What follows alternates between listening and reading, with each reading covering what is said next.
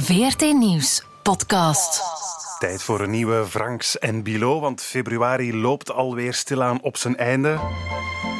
Februari, maand van de liefde. Heb jij Valentijn gevierd, Rudy? Absoluut, en ik was eens thuis. Toch mooi, ja. Ah, toch? Ja, maar ik was wel een beetje met griepje in bed. Zo, ja. Oh. Wegsfeers. Dan maar over tot eh, de orde van de dag, of beter de orde van de maand. Hè. Franks en Bilo. Met Rudy Franks en Vincent Bilo. Want elke maand grasduinen Rudy en ik door de internationale actualiteit en pikken we er de verhalen uit die volgens ons onderbelicht blijven of waar wel eens wat dieper mag worden op ingegaan. Deze maand gaan we naar India en onderzoeken we de bijzonder kwetsbare positie van de vrouw in de Indiase maatschappij. Nergens ter wereld loop je als vrouw zoveel risico om in de slavernij of zelfs de prostitutie terecht te komen als in India. Dat, eh, Straf, hè? Erger dan Afghanistan schijnt. ja, Straf. inderdaad, dat is redelijk hallucinant. En eh een van jouw nomaden, Rudy, een van de jonge reporters die onder jouw vleugels documentaires maken voor eh, Canvas, die heeft ontdekt dat de klimaatopwarming die kwetsbare situatie van de vrouw nog penibeler maakt en hen dus nog meer in de handen van mensenhandelaars en eh pooiers doet belanden. Ja, ik ben er ook benieuwd naar. Absoluut. Een onthutsende reportage waar we het straks gaan over hebben met eh, de maker van de docu, Jan de Deken. Ik neem ook deze maand weer een getal apart, uiteraard, naar goede gewoonte. En dat cijfer dat brengt ons nog eens in jouw tweede thuisland, Rudy. Dus passeren we alweer langs La Bella Italia. Maar eerst, en eindelijk, gaan we het Israëlisch-Palestijns conflict nu eens voorgoed oplossen. Nu ja, eigenlijk hoeven we dat zelf niet meer te doen. Donald Trump heeft dat al in onze plaats gedaan. Eh, of dat dacht hij toch? Want eind vorige maand stelde de Amerikaanse president met eh, bijzonder veel zelfvertrouwen de ultieme oplossing voor voor het langst aanslepende conflict sinds de Tweede Wereldoorlog. Zelf noemde hij het de Deal of the Century. So tomorrow at 12 o'clock, we'll be announcing a plan, and it's a very big plan. It will be a suggestion between Israel and the Palestinians. It's uh, the closest it's ever come, and we'll see what happens. Ja, nooit, nooit is er zo dichtbij een vredesplan voor eh, Israël en de Palestijnen gekomen, zegt Trump. Voor we het over de slaagkansen van zijn deal of the century hebben, Rudy. Wat stond er nu precies in dat plan? Nu, de essentie is dat die eh, Jared Kushner, zijn schoonzoon, Ja. eh, van Joodse origine, dat hij daar nu al, laten we zeggen, twee à drie jaar van zijn tijd heeft ingestoken om dit uit te brouwen en, en te zien wat het wordt. De essentie is eigenlijk wat, wat een basic is bij Trump altijd dat je merkt is laten we vertrekken van de werkelijkheid. Ik ben een dealmaker, de facts on the ground zoals het dan is in Israël en Palestijns gebied. En dan zegt hij bij die facts on the ground zeggen dat ehm, een deel van de westelijke Jordaan-oever, het gebied waar de meeste Palestijnen wonen, dat bezet gebied is naar internationaal recht, dat daar die Joodse nederzettingen intussen al zo groot geworden zijn, zo'n 400.000 à 500.000 mensen die daar wonen, dat er bepaalde gebieden eigenlijk in een definitieve oplossing sowieso bij Israël zullen horen. Dat wil dus zeggen de Jordaanvallei, dus de grens met Jordanië, dus de ene uiteinde van de westelijke Jordaan-oever, Ja, aan de oostkant. hè? aan de oostkant. Ja. En dan ook nog een heel gebied rond Jeruzalem en grote nederzettingen, settlement blocks. Die zouden mogen geannexeerd worden en in een definitieve oplossing gaan die bij Israël komen. Dat wil dus wel en daar gaat het hem eigenlijk allemaal om, land om vrede ruilen, hè, dat het gebied dat voor de Palestijnen overschiet, alsmaar kleiner wordt. Hè. Dan hebben we het over een derde tot de helft van de gebieden die nog over zijn, die voor hen zullen zijn. En dan krijg je, en dat is verbonden met dit plan, eh, een heel een kaart met 180 bladzijden en met allerlei, ja, alle mogelijke gedetailleerde opsommingen, een soort van copy-paste en patchwork bij elkaar. Van ehm, bijvoorbeeld gebieden die Palestijnse steden zullen zijn. En die dan via een tiental, twaalftal, ik heb eens uitgerekend, ehm, bruggen en checkpoints en tunnels zullen met elkaar verbonden worden. Maar hoe zo'n staat leefbaar gaat zijn, dat is iets anders. Want dat is het tweede punt. En dat is dan de wortel voor de Palestijnen.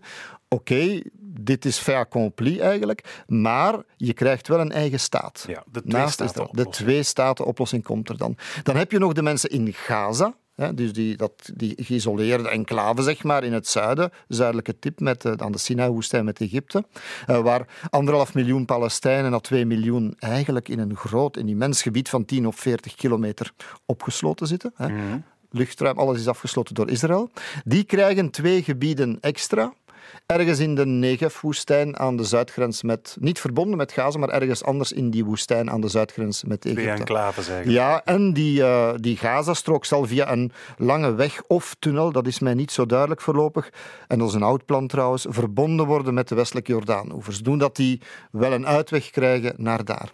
Nu moet je wel in gedachten houden, je hebt twee staten naast elkaar, en dan zitten we al op het vlak van is dat leefbaar en, en wat kritiek. Namelijk, als de Jordaanvallei en het luchtruim enzovoort allemaal afge Israëlische controle is en geannexeerd, dus Israëlisch grondgebied, dan wil dat zeggen dat die staat eigenlijk totaal afhangt van de gratie van Israël. En Uiteraard. omsingeld is ook En omsingeld, waardoor dus alle vormen van veiligheid en zo, want dat is een belangrijk onderdeel voor Israël, omwille van de terreuraanslagen en zo, veiligheid, um, moeten ze bijvoorbeeld ook Hamas en Jihad, die in Gaza de macht hebben, ontwapenen. Moet er, um, enzovoort. Er moeten heel veel voorwaarden voldaan worden door de Palestijnen om dus dit mogelijk te maken, zogezegd, hè, voor hen komt daarbij, je hebt dus de ene wortel van de staat. Tweede, heel grote wortel, ze krijgen 50 miljard dollar. Want wat zegt men? De Palestijnen, hun situatie is uitzichtloos en dat geven we toe. Um, er is werkloosheid enzovoort. Dus bij gevolg, wat kan hun helpen? Business, business, business. Dat is de taal die Trump begrijpt. We gaan jobs creëren. Het gaat over een miljoen of, of, of hoeveel jobs voor Palestijnen verspreid over tien jaar. En 50 miljard dollar. Dat is de wortel. En over Jeruzalem staat er ook iets in dat plan, hè? Oh ja, Jeruzalem, dat is... Ja, ik noem dat altijd de splinterbom van het Midden-Oosten, van de wereld eigenlijk, waar al die drie religies samenkomen, waar eigenlijk al millennia gevochten wordt om, om de controle erover. Dus de drie grote wereldgodsdiensten, christendom, islam en jodendom, eigenlijk samen een deel aanspraak op maken. Mm Die wordt de on, een en ondeelbare hoofdstad van Israël zegt Trump. En tegelijkertijd heeft hij het mirakel uit zijn, hoofd getoverd om, eh, uit zijn hoed getoverd om te zeggen dat het eigenlijk ook wel toch een beetje de hoofdstad van de Palestijnen wordt. Maar namelijk in Abu Dis en zo, dat zijn zo buitenwijken van Oost-Jeruzalem. Ja. ja. dat is de, de geit en de koolsparen enzovoort. Hè. Ja, want natuurlijk niet onbelangrijk detail aan dit hele plan. Trump heeft uh, die deal of the century onderhandeld met maar één van de twee partijen, namelijk de Israëlische premier Netanyahu. Maar ook hij, Netanyahu, zag het slagen van dat plan met heel veel vertrouwen in. I know there will be many obstacles along the way, much criticism. But we have an old Jewish saying if not now, when? And if not us, who? אם לא עכשיו, אימתי? אם לא אנחנו, ja, volgens Netanyahu ligt vrede tussen Israël en de Palestijnen binnen handbereik. En hij verwoordde het dus met een Joods spreekwoord. Als het nu niet gebeurt, wanneer dan wel? En als wij het niet doen, wie dan wel? Ik ben geen expert diplomatie, beste Rudy, maar als je een vredesplan probeert te bereiken tussen twee partijen en je onderhandelt met maar één van die twee partijen, dan lijkt de kans op slagen mij redelijk klein. Ja, wanneer kan je vredesonderhandelingen of leidt die tot vrede in, in een conflict of in een oorlog? Is als een van beide partijen helemaal op de knieën zit. Hè? Of als twee, twee partijen het beu zijn om te vechten en met elkaar aan de onderhandelingen geraken. Zo was het in 1993 met de zogenaamde Oslo-vredesakkoorden. Maar nu denk ik dat ze er een beetje op rekenen. De Palestijnen, het is uitzichtloos. Ze verliezen steeds meer terrein in dat kernland in de westelijke Jordaanoever. En dus dat ze een beetje op de knieën zitten, ook economisch.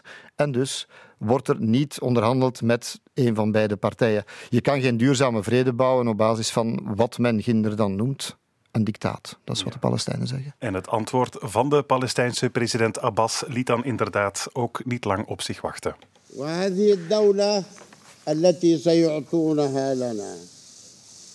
هي الجبنة السويسرية Swiss cheese Swiss cheese heb je misschien herkend. ja, ja, gruyère kaas en kaas met gaten, zeg ja, maar. Inderdaad, dus dat was vergelijk die kaart van Trump en Netanyahu met Zwitserse kaas. Palestina zou helemaal versnipperd worden met meer gaten ertussen dan, uh, dan iets anders. Dat was die kaart waar ik het over had, met 10, 12 bruggen en tunnels en checkpoints op elkaar verbonden. En hij verwierp het uh, plan, die deal of the century, ook met de woorden tegen deze deal zeg ik duizendmaal nee.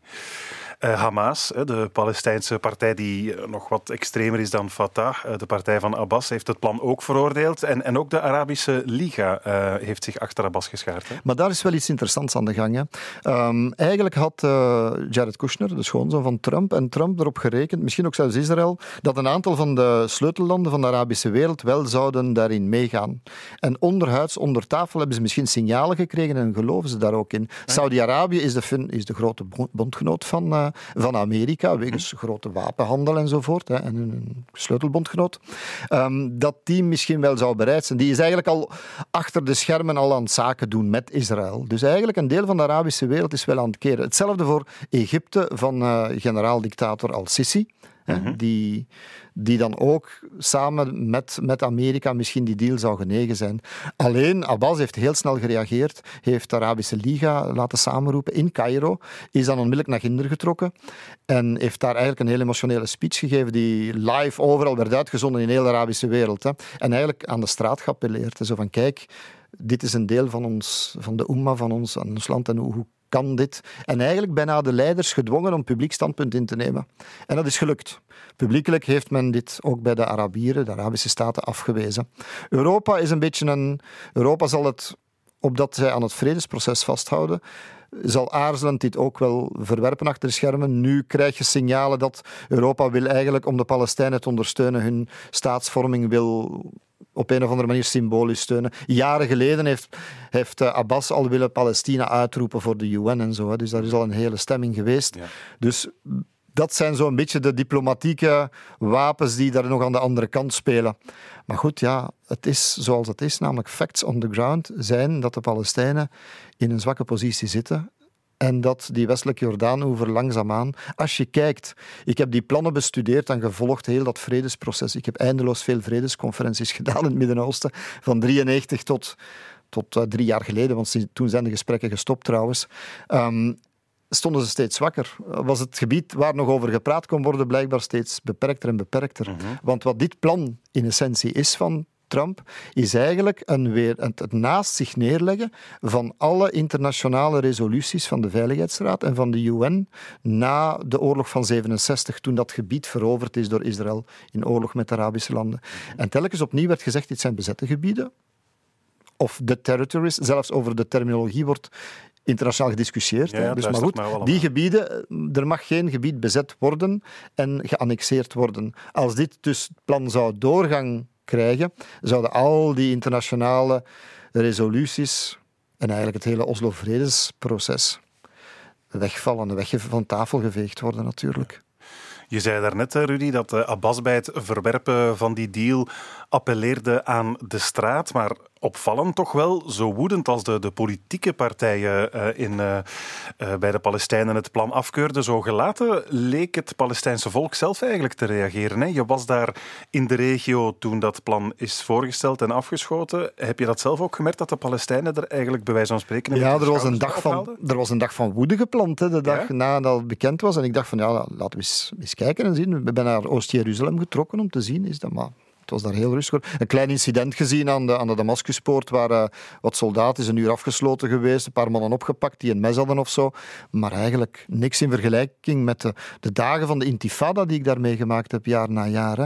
Dus ik denk een beetje dat de Palestijnen ook murw zijn natuurlijk. Hè. Je hebt ook, um, vermoed ik wel, onvrede van heel wat nieuwe generaties jonge Palestijnen. Je moet je inbeelden, degenen die nu 18 jaar zijn, de potentiële stenengooiers zeg maar, van de mhm. Palestijnse jongeren, zijn geboren tijdens de vorige intifada.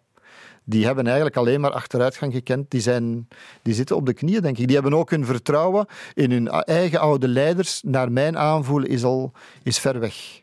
Uh, Abbas is een, hoe oud is hem nu? Eind 70, 80. Dus die man gaat, is ook al, ja, de houdbaarheidsdatum is, Op zegt men nogal eens voorbij. En zo gaat het met de meeste van die leiders. Dan heb je de interne tegenstellingen tussen Hamas en Fatah. Ja, ik denk dat ze geen, weg, geen uitweg meer weten. Nu, het fundamentele probleem blijft, en dat vind ik, is men vaak aan voorbij gegaan in, de hele, in, alle debatten de voorbije maand eigenlijk, is het fundamentele probleem is waar eigenlijk Rabin in 93, waarom hij hij heeft toen gezegd, breek hun botten en zo. We gaan in de eerste intifada zelfs al, we gaan de mensen op de knieën krijgen door hard op te treden. Is niet gelukt, hij heeft dat gemerkt.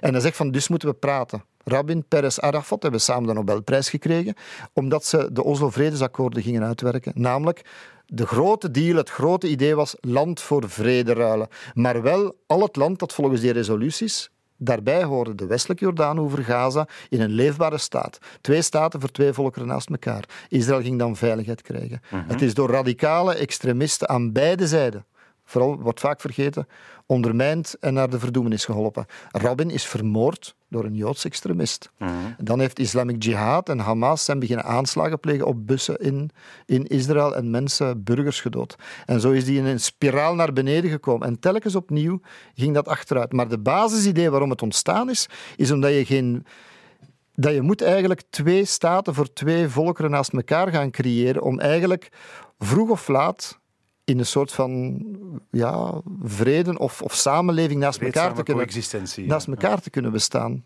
Want wat gaat er gebeuren als het dat niet is? Dan krijg je de ene staat, Israël, die eigenlijk, waar miljoenen Palestijnen woont, eigenlijk bezet houden. Men noemt het niet graag zo, maar zijn dat dan mensen zonder staat? Zijn dat mensen zonder Welke nationaliteit hebben die?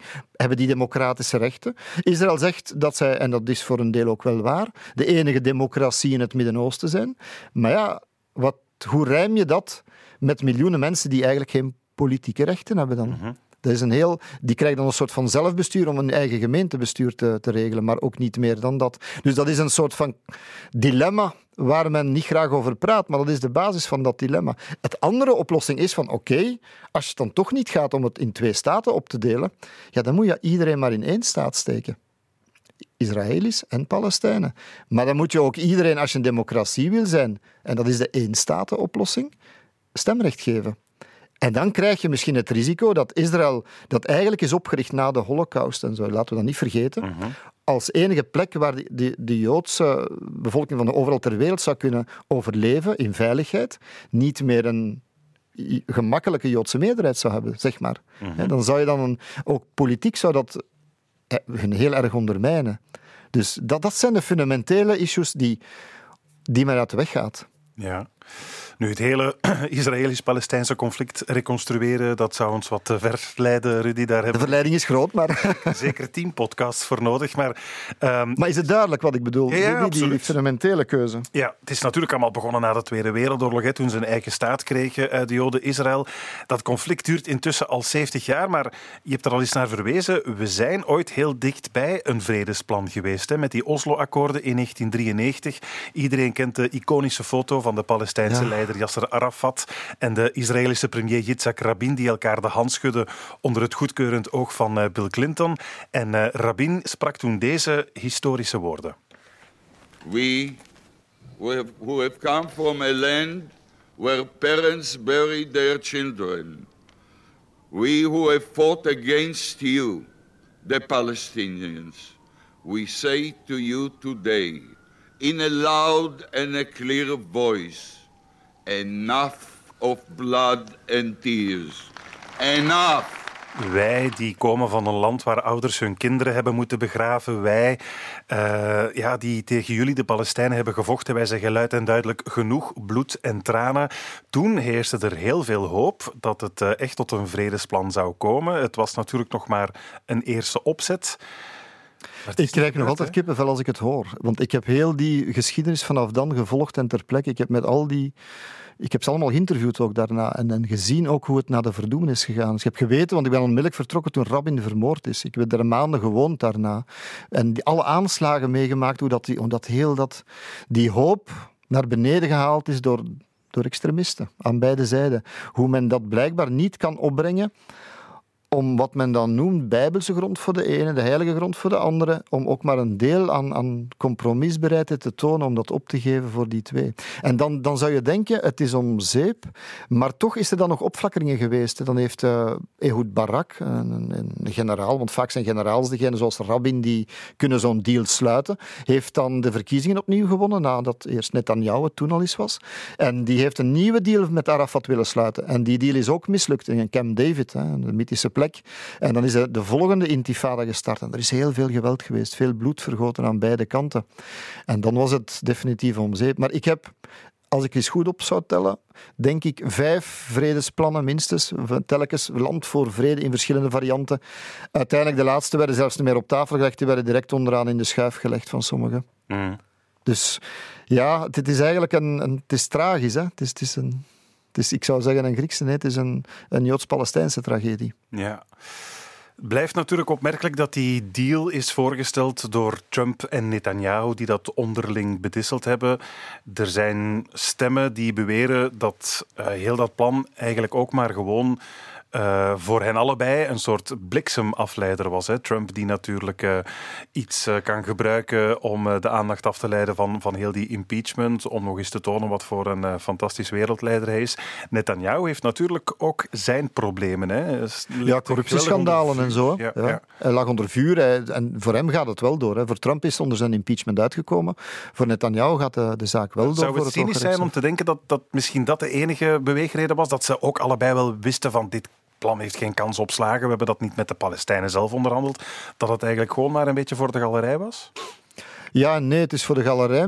Misschien voor Trump meer dan voor Netanyahu. Want voor Netanyahu, die werkt ook al wel systematisch in zijn carrière, in zijn politieke carrière, in die richting. Zijn politieke machtsbasis en er komen nieuwe verkiezingen aan. Ja. Dus dan uh, gaat... Dreigt, uh, ja, hij dreigt wel eens van de macht verdreven te worden. Hè? Ja, maar tegelijkertijd, wie hem dan van de macht gaat verdrijven, zullen altijd moeten rekenen op een deel van de partijen die op die kolonisten steunen. Dus eigenlijk zal, eh, zal men altijd op een of andere manier proberen de hand te reiken naar die kolonisten en ze niet tegen zich in het harnas te jagen. Overigens, die kolonisten die zelf ook dit plan hebben verworpen. Niet omdat ze misschien niet genoeg grond krijgen, misschien willen die alles, dat weet ik niet. Maar, maar ook vooral omdat ze geen Palestijnse staat willen naast zich. Dus die hebben dat ook verworpen. Ah ja, die, dat is een beetje... niet eens die twee-staat-oplossing overwegen. Nee, dat willen ze dan ook niet doen. Dus dat is een, uh... en zij noemen dat bijbelse grond. Ja, het is een, het is een heel vreemde zaak, ook voor, uh, ook voor Netanyahu. Maar, bon, wat nu volgens mij een cruciaal nieuwe datum wordt, ik weet niet of dat het tijdens, voor of na de podcast zal zijn, is dat... Um, is als de Israëlische regering, en ze hebben dat uitgesteld voorlopig, al zou die gebieden annexeren die ze van Trump zogezegd cadeau krijgen. Ja, ja. Namelijk die Jordaanvallei in het uiterste oosten en die grote nederzettingenblokken. Want men wou dat al doen. En de uiterst rechtse of de rechtse en de nederzettingenpartij die willen dat nu al zolang het nu het momentum er is. Want uiteindelijk verandert er. Je kan zo'n woorden en zo'n groot plan, dat kan wel een maat voor niks worden misschien, maar tegelijkertijd creëert dit wel een, een feit in de diplomatie. Ja, ja, en als ze die gaan annexeren, zou wel eens het moment kunnen komen dat er echt wel geweld terug opflakkert dan zit je met een fait accompli. Ja. En dat zullen we dan wel zien. Mm. Ik dacht dat we hier het Israëlisch-Palestijns conflict eindelijk voor goed zouden oplossen, maar zo ziet het er voorlopig nog niet naar uit. Hè? Wel, als je rationeel denkt, en dat is hetgeen waar ik me nu al twintig jaar mijn hoofd over breek, als je rationeel denkt met die land voor vrede, dat, dat was een oplossing. Maar dan heb je wel natuurlijk aan beide kanten rationele en alleen maar rationele mensen nodig. Mm. Ik zou toch graag eindigen op een, een positieve noot, Rudy. Want je hebt, ze bestaan hoor. Je hebt er daarnet uh, nog naar verwezen. Uh, Rabin, die na die Oslo-akkoorden is uh, vermoord, die had blijkbaar op het moment dat hij werd neergeschoten in zijn jaszak ja, ja. Een, een, briefje zitten met daarop... Shalom. Ja, de, de liedjestekst van, van Shirla Shalom, lied voor vrede. En dat zou ik dan toch nog even, bij wijze van aanmoediging voor dat vredesproces, toch nog even willen laten horen. Ik pink nu al een traan weg.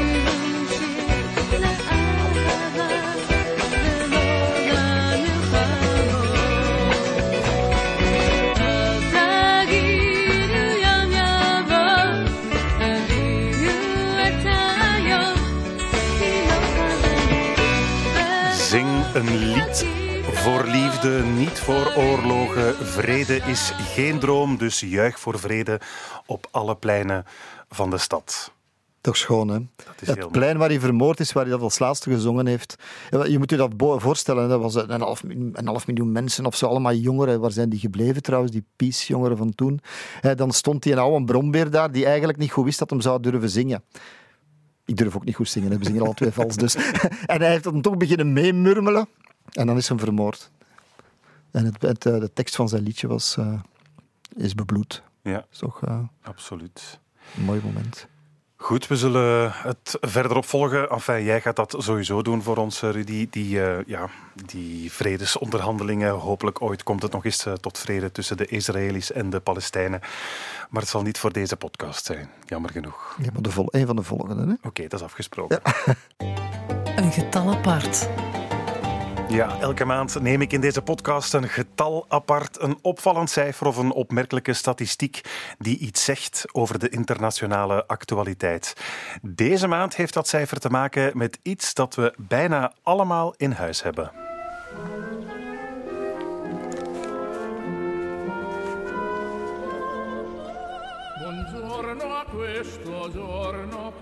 Un buongiorno con Nutella fa più buona la vita. Nutella.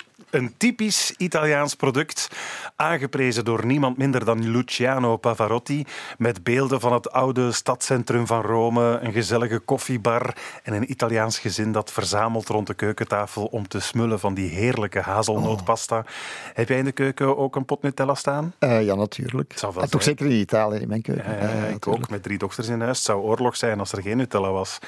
Nutella is in Italië nu ehm, toch een beetje de inzet geworden van een politiek debat dat uh, uiteindelijk veel dieper gaat dan gewoon chocopasta. Het heeft een debat uitgelokt dat uh, ja, echt naar de kern van de Italiaanse samenleving gaat, namelijk de Italiaanse keuken en bijgevolg de Italiaanse trots. Want waar gaat het over? Eind vorig jaar bleek dat zo'n 30% van alle hazelnoten wereldwijd in de chocopotten van Nutella verdwijnt. 30%. Uh, dat is dus het getal dat ik deze maand even apart neem. En sterker nog, de meerderheid van die noten in de Nutella-potten komt uit Turkije. Stel je voor, Turkse hazelnoten in zoiets Ja, ja, ja. Italiaans als Nutella. Het was, zoals wel vaker in Italië, eh, Matteo Salvini die eh, de kat de bel aanbond, hè, de grote kopman van het rechtse eh Lega Die vroeger met allerlei foto's op sociale media verscheen, terwijl hij een boterham Nutella aan het eten was. Hè. grote fan geweest van Nutella, want ja, hij beschouwt dat ook als Italië's trots. En inderdaad, op Instagram post hij bijna maandelijks wel foto's terwijl hij een, een boterham met Nutella zit te eten, die Salvini. Maar hij is van gedacht veranderd. Want tijdens een verkiezingsrally in Ravenna, eh, beste Rudy, vroeg op een bepaald moment een vrouw hem of hij het niet te koud had en of hij geen boterham met Nutella kon gebruiken. En toen, toen zei Salvini dit. Quindi... Ma la Nutella, signora, sa che ho cambiato? Perché ho scoperto che la Nutella usa nocciole turche. E... e io preferisco aiutare le aziende che usano prodotti italiani. Preferisco mangiare italiano se posso scegliere. E aiutare gli agricoltori italiani. Ja, Salvini eet geen Nutella meer. Hij koopt eh, en eet alleen nog echte prodotti Italiani, zeg ik dat zojuist? Prodotti Italiani, ja, ja, ja. Maar volgens mij dat zijn Waterloo. De Nutella, allee. Ja.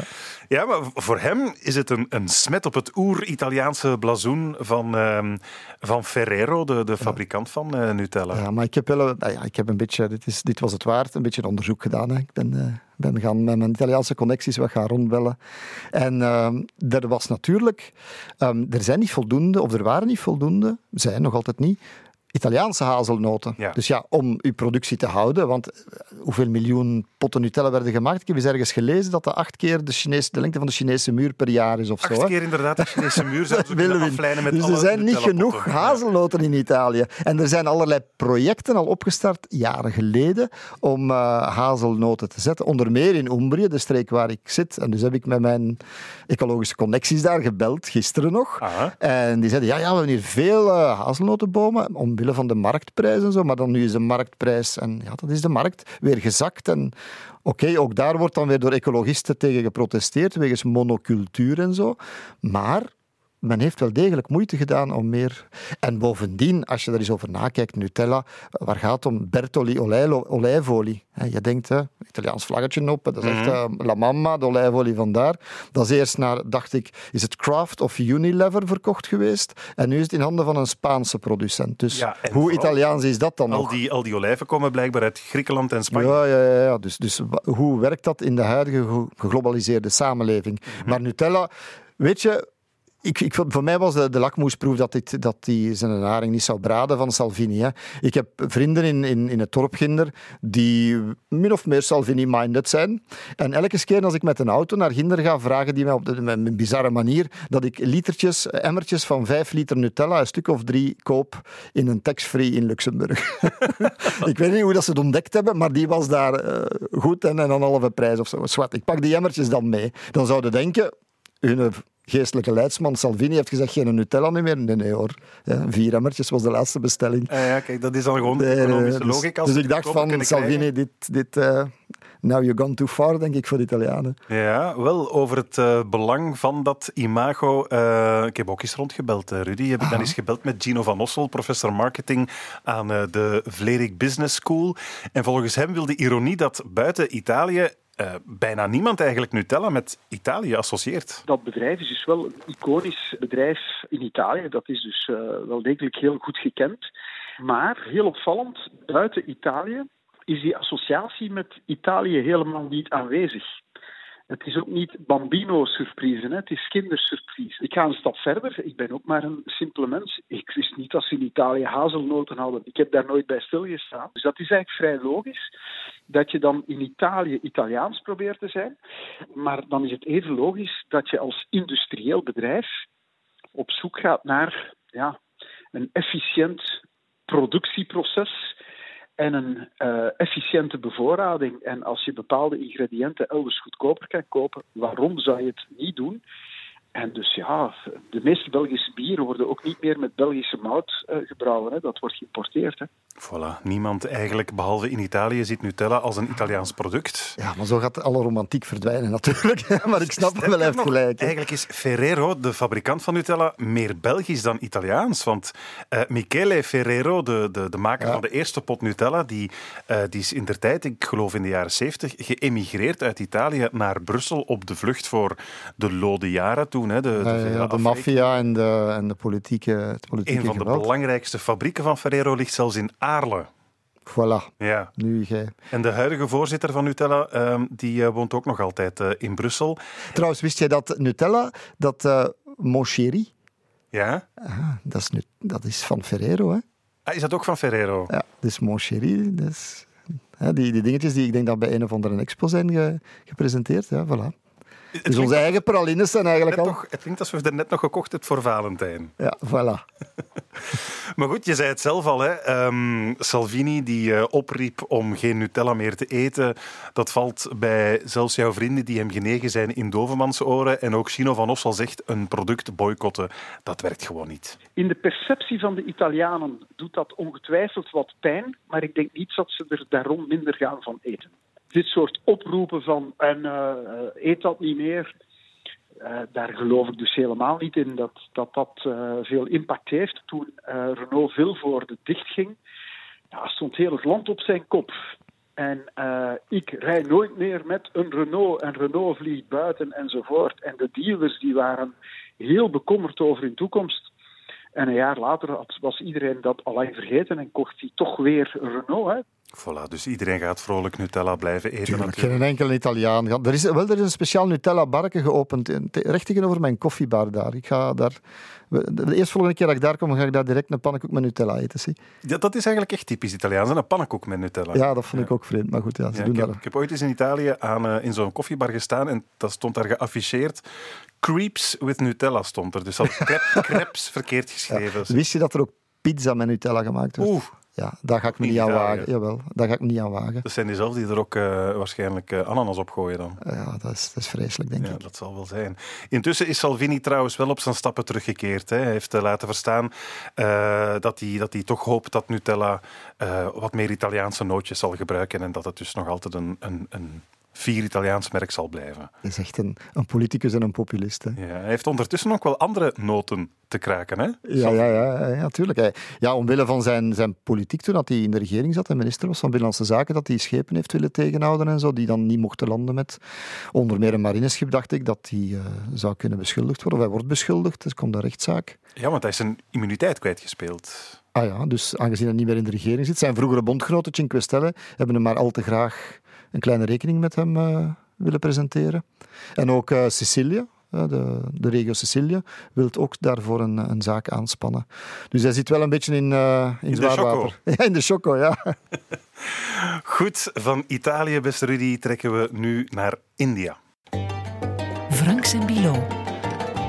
Want in India slaat de klimaatopwarming zo ongenadig toe dat het jonge meisjes in de prostitutie dwingt en jongens in de slavernij. Een van de nomaden van Rudy heeft er een documentaire over gemaakt. Klimaatslaven, zo heet de docu. En als je deze podcast al meteen op zaterdag 22 februari aan het beluisteren bent, dan heb je geluk. Dan kun je hem vanavond live bekijken op Canvas, die documentaire. En anders vind je hem natuurlijk ook terug op VRT Nu. Welkom Jan de Deken. Dank je wel.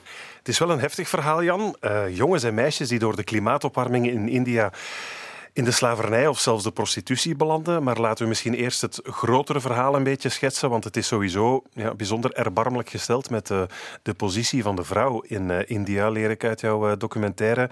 Het is blijkbaar een van de gevaarlijkste landen om als vrouw in op te groeien. Ja, dat beweert de Thomson Reuters Foundation. Of daarmee India nu echt het allergevaarlijkste land is, ja, daar kan je over discussiëren natuurlijk. Het hangt er maar vanaf wat je gaat meten.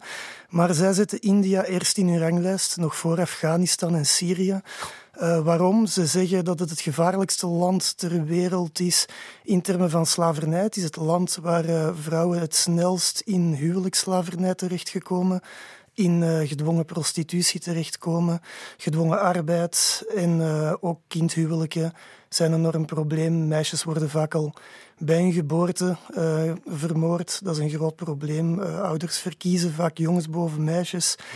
En ja, al bij de geboorte mogen ze niet meedoen, vaak. En ook een hallucinant cijfer in de documentaire. Eén op twee kinderen blijkbaar in India wordt het slachtoffer van seksueel geweld. Ja.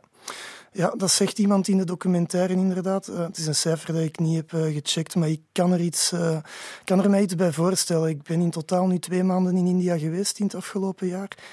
ik heb heel veel mensen gesproken in verschillende delen van het land ook. En het blijkt echt alomtegenwoordig. Ik heb ook een paar dagen gereisd met slachtoffers van seksueel geweld. Zij noemden zichzelf survivors, overlevers. positiever insteek natuurlijk. Ja.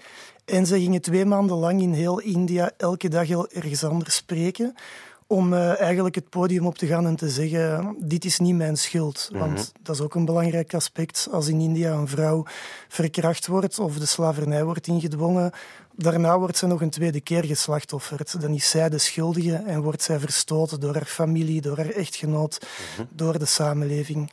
Die vrouwen die gingen eigenlijk over heel het land aan meisjes zeggen: het is niet onze schuld, het is niet jullie schuld.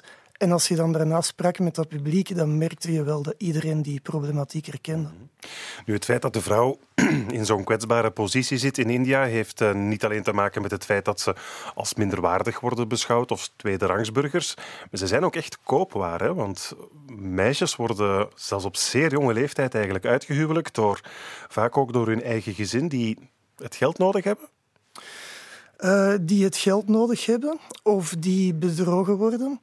Um, ik heb uh, vooral lang in de Sundarbans gezeten. De Sundarbans is het grootste mangrovengebied ter wereld, op de grens tussen India en Pakistan. Dat is een van de meest kwetsbare gebieden voor klimaatverandering. De zeespiegel stijgt daar met, met drie centimeter per jaar. Ik heb daar bijvoorbeeld een school gezien die eigenlijk nu bijna volledig was opgeslokt door de zee waar twee jaar geleden nog kinderen in de klas zaten. Dat gaat er ontzettend snel. En ja, mensen daar die zijn altijd al kwetsbaar geweest. Het is niet dat er vroeger absoluut geen mensenhandel bestond. Maar in de afgelopen tien jaar uh, zijn de cyclonen die daarover razen steeds heviger. Daardoor zijn de landbouwgronden verzeeld geraakt, is het uh, rivierwater verzeeld. Daardoor is er geen landbouw meer, bijna geen visvangst. En mensen die vroeger nog een dochter konden uithuwelijken, wat heel belangrijk is in die cultuur, die hebben nu geen geld meer om een bruidschat te betalen. Dan komen daar mensen, smokkelaars aan, die hen zeggen van kijk, ik heb uh, een hele goede man voor jullie in uh, Kashmir, mooie, grote, rijke man. En hij heeft geen bruidschat nodig, nog meer zelfs, hij gaat jullie betalen.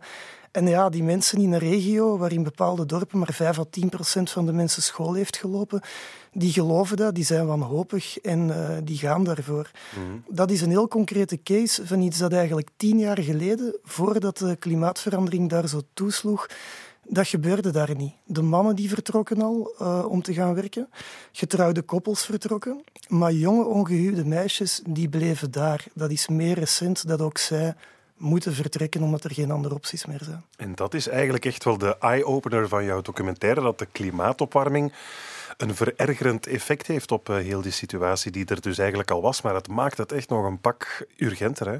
Ja, inderdaad. Het is zeker niet de eerste oorzaak van slavernij. Je kan het niet puur op klimaatverandering steken, maar het creëert zeker de, de omstandigheden. De Sundarbans is één case, een andere case zag ik in eh, Maharashtra, eigenlijk een rijke deelstaat, de deelstaat waar Mumbai ligt ook. Mhm. In Maharashtra zijn suikerrietboeren de afgelopen decennia eigenlijk heel rijk geworden. Um, nu zien zij ook hun inkomsten verdwijnen omdat de oogsten mislukken door klimaatverandering. Al jarenlang uh, ja, regent het niet meer. In de zomer zijn er dan plots hagelstormen die alles kapot maken. Um, de, de farmer suicides zijn daar een groot thema. Echt boeren. Ondertussen zijn het er... Uh, ik heb het opgeschreven, 6, 7000, uh, 4700 boeren hebben de afgelopen jaren zelfmoord gepleegd in die regio. Uh, drinken hun eigen pesticiden op, hangen zich op omdat ze geen uitweg meer zien. Dat is een resultaat van klimaatverandering. Mhm. Maar wat dat buiten de spotlight blijft, is welke, in welke mate dat ook vrouwen en meisjes daardoor geslachtofferd worden. Die boeren zien hun inkomsten verdwijnen en daardoor gaan zij hun dochters altijd maar jonger uithuwelijken. Want hoe langer ze wachten, hoe minder inkomsten ze hebben, hoe, uh, hoe minder geschikte partner dat ze gaan vinden voor hun dochter. En eigenlijk een heel hard, heel moeilijk uit te roeien praktijk, die kindhuwelijken, mm die krijgt zo dankzij of door um, klimaatverandering nog een extra push.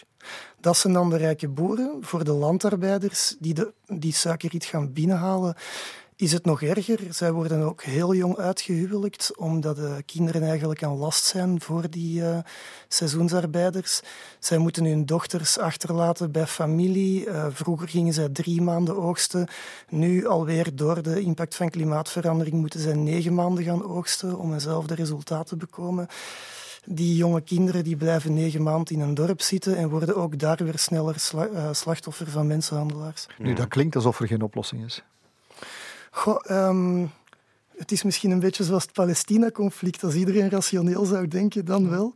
Maar het is, uh, het is zeker moeilijk. Het is een heel hard, uh, heel moeilijk uit te roeien culturele praktijk. En, en het is zeker, er zijn geen oplossingen nu de komende jaren voor klimaatopwarming. Natuurlijk. Ja, want dat is zo fundamenteel dat het... Ja. ja, ik denk het is een beetje een mission impossible, ook voor de, voor de Indische overheid, want meer dan een helft van hun bevolking hangt af van landbouw. Maar hoe meer dat je aan intensieve landbouw gaat doen en daar bomen voor gaat kappen, um, ja, hoe meer dat je klimaatopwarming, uh, hoe meer dat de aarde gaat opwarmen. En uh, er is ook geen water meer. Er is geen water meer voor de landbouw, er is geen water meer voor de steden. In Pune, een miljoenenstad, dicht bij dat landbouwgebied in Maharashtra, wordt nu elke andere dag het water afgesloten. Dus dat creëert ook nog eens conflicten tussen stad en platteland. Het valt zeker niet snel op te lossen, maar ik denk de, de Indische overheid dat tenminste al eerder kunnen beginnen met een oplossing door bijvoorbeeld klimaatverandering op de agenda te zetten. Vorig jaar waren er parlementsverkiezingen. Klimaatverandering was, er bijna, was daarbij geen thema. Niemand weet eigenlijk wat het is in India. Modi heeft er toen voor gekozen om zijn eh, campagne te voeren met een hindoe-nationalistisch discours. Werkt veel beter natuurlijk dan complexe problemen rond het klimaat. Na zijn verkiezing is hij wel maatregelen beginnen nemen. Nu begint India stilaan meer in te zetten op duurzame energie. Uh, Modi wil alle plastic voor eenmalig gebruik bannen binnen de twee, drie jaar. Dus er zijn stappen, maar ze lopen wel enorm achter op, uh, op China bijvoorbeeld. -hmm. Maar dus uh, ja, de, de, situatie, de klimaatopwarming, de, de, verdroging van heel veel landbouwgronden dwingt dus ja, meisjes in de armen van mensenhandelaars. En en het is een enorm taboe in India om daarover te praten. En dat heeft alles te maken met de hele cultuur die in India um, bestaat rond de, de eer van de vrouw. It's very common that if a girl is being raped or physically abused, they don't come forward because they were very, they are very worried about their self-respect, their dignity and all. Because society also thinks that the respect, the dignity of a family lies within the vagina of the girl. फूल नहीं चिंगारी है with this march, we are giving a platform to the ruler population to come forward and to speak about it. De waardigheid van het gezin, zegt deze activiste in India, die ligt in de vagina van het meisje. Wat bedoelt ze daar precies mee? Daarmee bedoelt ze dat als die uh, vagina onteerd wordt, daarmee de hele familie onteerd is.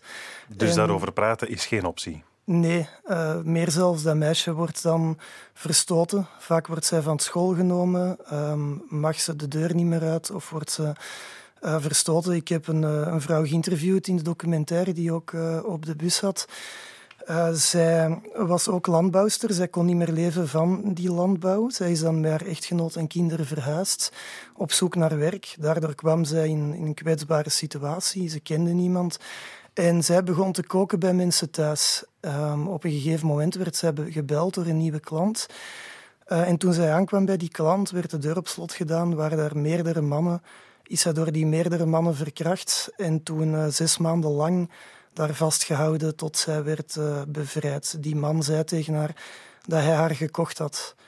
Um, zij is dan bevrijd door uh, Janse Haas, de NGO die die mars voor waardigheid ook organiseerde met Mhm. de bus. Uh, maar daarna is zij verstoten door haar man. Zij heeft haar kinderen nooit meer gezien, door haar ouders. Dus ja, die vrouw is uh, ook op de lange termijn haar, haar leven kwijt. Die haar leven is verwoest. En uh, daarom vonden zij toch die, ja, die kracht om op die bus te gaan zitten. Het was, uh, ik moet eerlijk zijn, het was niet de, de leukste reportage om te maken. Nee. Het was een deprimerend thema. Maar wat dat wel enorm hoopgevend was, dat was uh, de kracht en de energie van die vrouwen op de bus. Zij zaten vaak acht, negen uur per dag op die bus, sliepen in... in Vertel eens over die bus meer. Ja, met tussenstops om over te geven zelfs, heb ik gezien. Ja. Uh, ja, dus twee maanden lang zaten zij op de bus, overlevers van seksueel geweld en hun uh, familieleden. Een soort van actie, rondreizend. Twee maanden lang reden zij door heel India, om dan eigenlijk uh, ter plaatse uh, publiek toe te spreken en te zeggen: Dit is mij overkomen en dit is niet mijn schuld. En om eigenlijk in heel India te proberen dat taboe te doorbreken. En je hebt die bus ook gepakt? Ja, ja ik heb uh, een dag of vier met die mensen meegereisd op de bus. En had dat impact? Ja, enorm. Ja, en, en uh, natuurlijk, die, die verhalen van die vrouwen hebben natuurlijk impact, want uh, dat zijn vreselijke verhalen. Maar het is dan ergens toch ook wel fijn om te zien dat diezelfde vrouwen dan ook elke dag op die bus urenlang zitten te zingen. In het begin dacht ik nog, uh, het eerste uur, ze doen dat voor mij, ze doen dat voor de camera. Even een spreukje schreeuwen. Maar nee, ze deden dat altijd, dag en nacht. En, uh, en ik denk dat die busreis voor die vrouwen op zich ook wel heel belangrijk was om ergens hun, uh, hun zelfwaarde terug te krijgen. Een soort van therapie eigenlijk zelf ook ja. wel. Maar als ze dan in dorpen stoppen, gaan die dorpelingen luisteren? Heb je het gevoel dat die meisjes van in die dorpen die boodschap horen? Ja, ik had het gevoel van wel. Dat werd ook wel doordacht aangepakt. Er, de reizende muziekband mee. Ze hadden een, uh, een campagnenummer gemaakt. Uh, die voerde dan ook een theatertje op. Uh, waarin dat zij de problematiek toonden. Hè. Dan, dan zie je twee dronken mannen die zich vergrijpen aan een vrouw en de politie komt hen opsluiten. Dus dat is heel basic gebracht, zodat zelfs mensen die niet kunnen lezen of schrijven de boodschap uh, begrijpen. En vaak hoorden we ook wel nadien uh, van de organisatoren of, of, van meisjes en vrouwen in het publiek, ja, die zeiden van ik heb hier moed uitgevat en als er nog eens zo'n evenement is, dan wil ik ook mijn verhaal doen. Mm. Dat is inderdaad heel straf om te zien. Die uh, activistes die uh, met hun mars voor waardigheid uh, met de bus door het land trekken. Maar er zijn ook advocaten hè, die uh, zich het lot aantrekken van die mishandelde en vaak ook misbruikte vrouwen, zoals Shetna bijvoorbeeld. So married girl you can find more proud because she thinks that she has attained the social status. An unmarried girl is waiting for the marriage.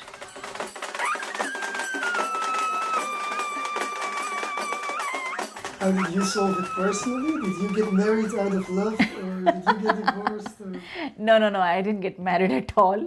When I was in 12th standard, the whole class was already engaged. I was the only one who was left out because I stood for my education and I just told my parent that I don't want to get married, I want to become a lawyer. It was a great shock for my family and I taught the women that we become united and we'll fight against our rights. and that is the spirit I work with so far.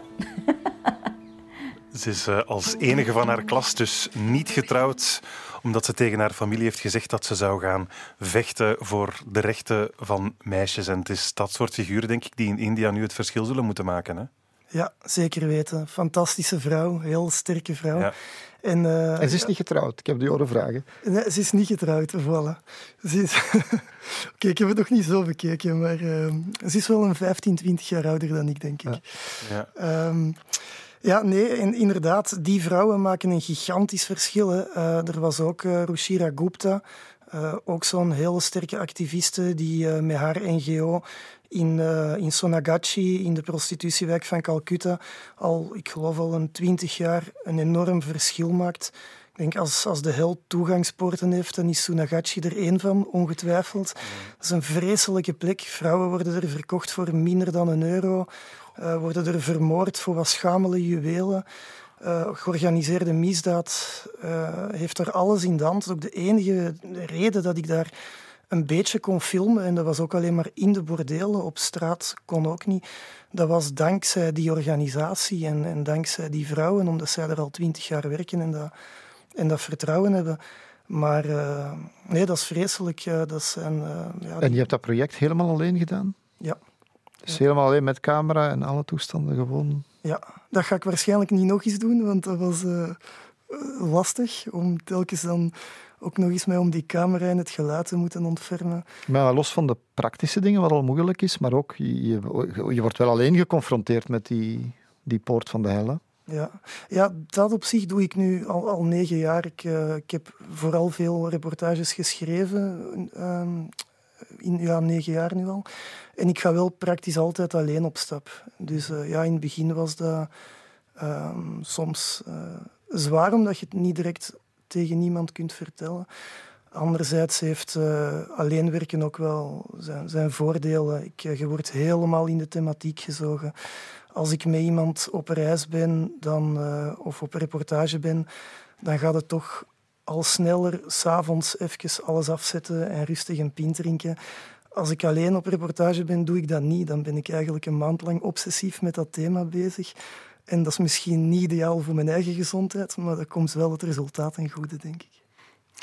Tot slot, Jan. Um, er wordt altijd gezegd, de klimaatopwarming dat gaat veel gevolgen hebben. Maar wat jouw documentaire aantoont, is dat het op dit moment al bijzonder grote en verstrekkende gevolgen heeft. Het is iets wat op eh, klimaatconferenties ook stilaan wel op de agenda komt. Dat het al aan het gebeuren is en dat het niet alleen maar verre toekomstmuziek is. En um, er is een, eh, een, een, NGO, geloof ik, de Polar Project, uh, die zich daar specifiek mee bezighoudt. Hè, om aan te tonen van jongens, kijk, het is eigenlijk echt al allemaal aan het gebeuren. Ja, het is geen NGO, het is eigenlijk een multimediaal magazine ah, dat ik een half jaar geleden heb opgericht. En uh, ja, de bedoeling daarvan is om echt een, een soort uh, nieuwe storytelling rond uh, klimaat te gaan brengen. Ik, ik ben begonnen met dat project anderhalf jaar geleden uit een zeker ongenoegen met hoe het klimaatdebat toen gevoerd werd, of bijna nog niet gevoerd werd.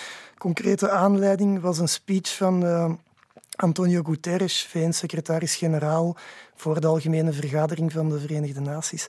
En hij zei toen voor de zoveelste keer, als we nu niks doen, dan zullen binnen vijf en tien jaar die rampen over ons heen komen. En ik dacht, man, waar heb je het over? Ik, overal waar ik op reportage ga, is het nu al aan de gang. Als ik één constante zie in elk land waar ik kom, is het wel die impact van klimaatverandering. Dus ik dacht van ja, die, die storytelling die zit helemaal fout. Kort daarna zijn de klimaatmarsen begonnen, de klimaatjongeren. Um, die hebben zeker de verdiensten dat ze het thema op de agenda hebben gezet. Nu weten we veel meer over klimaatverandering dan anderhalf, anderhalf jaar geleden.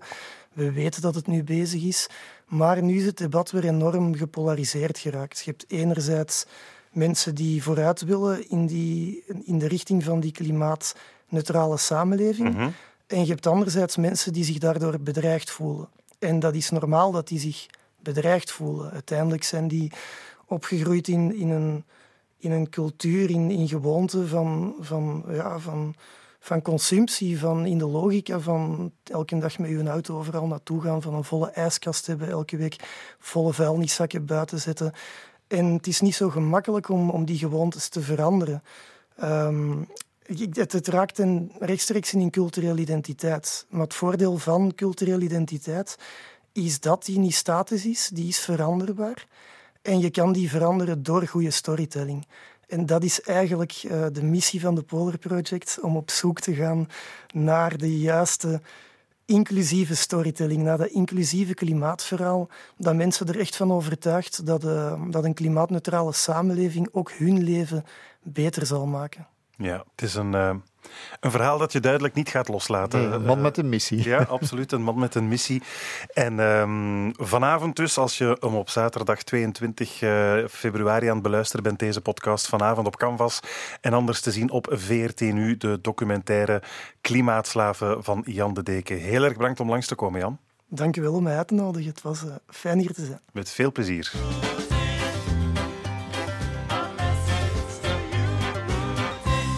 Berichten sturen naar Rudy Franks. Het is in deze tijden makkelijker dan ooit. Via Twitter, via de Facebookgroep Franks en Bilo of gewoon lekker oldschool met een mail op ons bekende mailadres vb.vrt.be.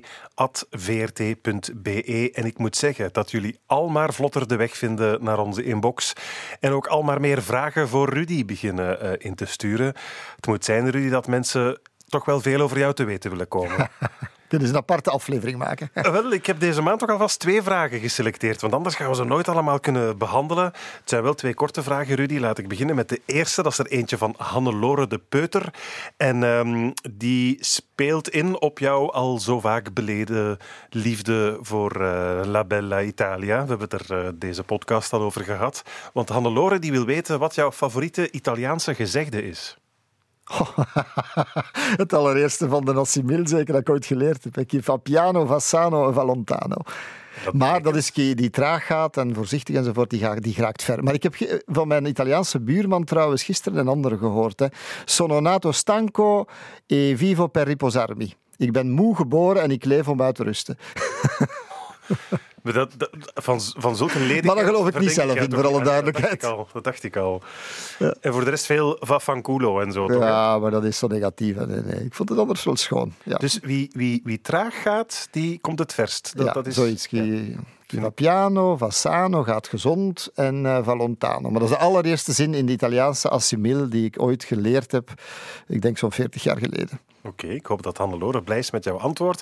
En dan heb ik er ook nog eentje van uh, Wim van Hoven, wiens vraag mij doet vermoeden dat hij jou van vroeger kent, Rudy, of toch alleszins bij jou op school heeft gezeten. Want uh, Wim wil van jou weten wat jouw mooiste herinnering is aan het Sint-Pieterscollege in Leuven. Och, och, och, och. Mijn mooiste herinnering. God, miljard. Of, of, of, Misschien de Chrysostomos, zoals dat heette, die laatste, de laatste honderd dagen. En de, ja, onze, onze eindelo, onze vuiven op de, op de markt, denk ik, vrees ik zo. Nee, en ook, nee, nee, onze heel boeiende gesprekken en discussies op de, op de koer. Maar dat geloofde zelf niet. Nee, dat geloof ik niet. Uh, Wim ook niet, denk ik. Ja. maar toch... Nee, ik vond het een fantastische school trouwens, als ik dat even mag zeggen. Ja, omdat mij die heel erg heeft, in momenten van mijn apenjaren, heel erg heeft opgevangen en, en heel erg geprikkeld. Misschien dat het allermooiste was eigenlijk wel de Rome-reis die we gedaan hebben met de klas. Is daar jouw liefde voor ja, Italië absoluut, al Absoluut, helemaal. En, en voor cultuur en archeologie en geschiedenis eigenlijk wel. Misschien de Rome-reis. Oké, Wim, ik hoop dat je blij bent met uh, het antwoord. En uh, andere vragen aan Rudy zijn natuurlijk altijd uh, welkom. Die blijven welkom op ons gekende mailadres vb.vrt.be. Kom gerust ook even kijken in onze Facebookgroep. Hè. Franks en Bilo, je kan daar je mening geven over onze podcast. Meepraten over de actualiteit en waarom niet zelf onderwerpen suggereren. En als je onze show goed vindt, geef een review in de podcast-app. En dat helpt misschien ook om andere luisteraars voor, uh, om Franks en Bilo te ontdekken. Hè? Dat is zo. Vragen of opmerkingen, of wie weet zelfs uh, verbeteringen aan te brengen aan onze podcast, dat kan allemaal. Ik geef het nog één keer mee, vb.vrt.be is ons mailadres. En dan moeten we nog alleen enkele mensen bedanken natuurlijk, hè Vincent. Mm -hmm. Bedankt Jan de Deken natuurlijk. En de research, Goran Verluiten. Voor, uh, vooral voor het item over Israëlisch-Palestijnse kwestie. Dat is geen gemakkelijke binnenkomer. Nee. De eindredactie was alweer in de goede handen van Vincent Merks. En de presentatie, dat waren wij zeker. Franks en... Bilo. Voilà. Tot volgende maand. Now, don't clap for that, okay? But it's true. Dit was een podcast van VRT Nieuws. Je vindt er meer op de podcastpagina van vrtnieuws.be of via de podcast-app op je smartphone.